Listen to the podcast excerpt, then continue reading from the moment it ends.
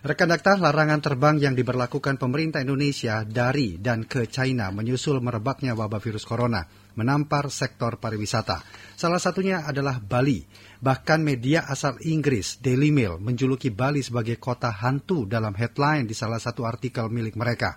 Hal ini untuk menggambarkan betapa terimbasnya pariwisata di Pulau Dewata tersebut. Daily Mail dalam headline-nya menyebutkan bahwa Bali berubah kiblatnya para turis hingga menjadi kota hantu. Daily Mail memajang foto Bandara Ingurah Rai Denpasar yang terlihat sepi. Daily Mail juga menyebut jalanan yang biasa ramai oleh turis asal China kini menjadi sepi. Separah itukah wabah virus corona terhadap terhadap destinasi wisata seperti Bali, kami telah tersambung bersama dengan Ketua Perhimpunan Hotel dan Restoran Indonesia, Herman Mukhtar. Dokter Radio, bijak dan cerdas. Assalamualaikum Pak Herman. Waalaikumsalam Kang Rudi, kumaha damang? Alhamdulillah saya Pak. Baik Pak Herman, apakah ya. benar seperti itu kondisi di Bali saat ini? Jadi kemarin kita kan ada Munas PRI di Kerawang ya dihadiri oleh 28 ketua-ketua DPD PRI se-Indonesia. Uh, sebelum sebelum dimulai, uh, saya pun juga memantau kondisi di Kerawang sendiri, gitu ya. ya. Nah di Kerawang sendiri ini kan ternyata kan Kerawang, Bekasi dan Purwakarta itu kan banyak perusahaan-perusahaan asing di situ. Ya. Antara lain itu kan perusahaan-perusahaan Cina. Nah kalau perusahaan-perusahaan Cina banyak di situ, jadi banyaklah hubungan antara uh, apa orang-orang Cina yang ada di perusahaan-perusahaan yang ada di pusatnya di Cina dengan yang ada di sini kan. Jadi banyak kunjungan-kunjungan yang datang ke menginap di hotel-hotel. Uh-huh. Nah di Kerawangan sendiri itu di satu hotel saja itu sudah ada pembatalan uh, menginap itu hampir hampir mendekati 100 kamar gitu kan. Uh-huh. Itu empat hari yang lalu itu kan berlanjut terus. Nah kemudian di Bali sendiri kan hadir ketua PHRI Bali Wagub Bali sendiri kan, Pak Cok Aceh. Ya. Nah ini pun di Bali sendiri itu berpotensi 3000 ya. 3000 per hari itu kunjungan turis Cina itu yang berkurang masuk ke Bali itu. Hmm. Itu. Dan termasuk juga di Sulawesi Utara pun juga demikian. Nah, itu kondisinya seperti itu. Iya. Lantas bagaimana Pak untuk mengantisipasi atau juga yang bisa dilakukan agar tetap terjaga ke kondisivitas di sektor wisata kita? Jadi sekarang ini kita bicarakan turis dari Cina, ya. gitu ya. Mereka tidak boleh masuk dan kita juga nggak boleh ke sana kan. Ya. Jadi ada juga peluang turis-turis yang di luar Cina, di Eropa maupun di mana-mana, itu kan yang biasanya mereka datang ke Cina dan sekarang ini kita kan belum belum belum ada terindikasi adanya virus corona itu masuk ke Indonesia ya. Ini peluang bagi kita juga. Yang kedua adalah uh, Wisnus, wisa, wisatawan Nusantara kita, yang ingin tadinya mereka harus ke Cina, ini mereka bisa melakukan uh, apa ke masing-masing daerah yang mereka tuh bisa ke Bali gitu kan, bisa ke mana ke Jawa Barat dan ke Medan dan sebagainya. Ini harus menjadi sasaran kita gitu. Iya. Seberapa besar ini Pak? Ini. Ya, seberapa besar Pak Herman uh, penurunan tingkat hunian hotel khususnya di destina, destinasi wisata kita?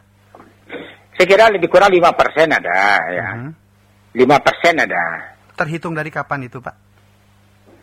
Ya terhitung dari mulai larangan uh, tidak boleh uh, ke Cina ya, ya. dan Cina juga nggak boleh masuk gitu kan itu kan langsung pembatalan itu udah terjadi dan pembatalan itu akan terus kalau mereka udah booking untuk misalnya untuk satu bulan sebelumnya mereka udah booking atau dua minggu tiga minggu sebelumnya ya. ya.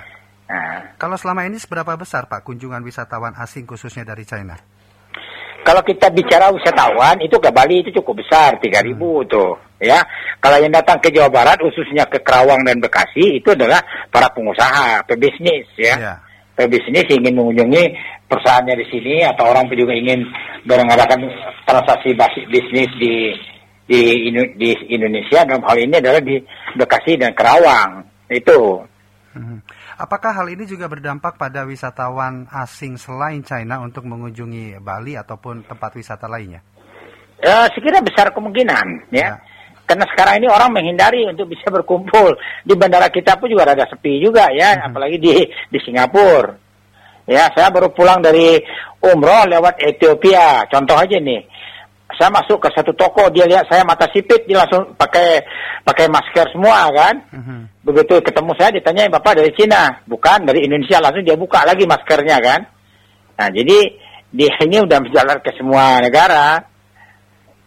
Ya. Itu. Kemudian kalau Pak Herman melihat apakah tindakan yang dilakukan pemerintah untuk tetap mengawasi eh, khususnya tempat-tempat wisata itu apa sudah berjalan dengan baik, Pak? Ya, saya kira ini kita masih eh, tidak begitu gencar kelihatannya ya. Mhm. Tapi dengan pemerintah sudah memberikan larangan sementara gitu kan untuk ke Cina dan juga melarang mereka ke sini itu kan sudah cukup bagus itu sebenarnya. Ya. Cuma bergantung kita sendiri. Ke Singapura sekarang kan tiket tiket pesawat ke Singapura murah. Air Asia memberi harga tiket itu 275 ribu Mhm. ya lagi promosi itu yang khusus yang mau ke ke Singapura ya itu itu pun juga dia berikan harga murah karena orang pun juga nggak mau ke Singapura karena di Singapura sendiri sudah sudah terbukti sudah lebih 40 orang yang yang terjangkit corona gitu kan Ya. Kalau bulan Februari itu apakah termasuk peak season atau masih dalam low season, Pak?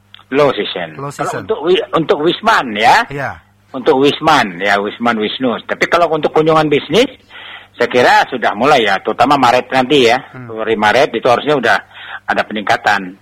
Ya, kalau dibandingkan pada tahun-tahun sebelumnya dalam kondisi normal, dalam kondisi low season atau di mana tingkat kunjungan kunjungan wisatawan asing tidak terlalu tinggi, itu bagaimana perbandingannya, Pak?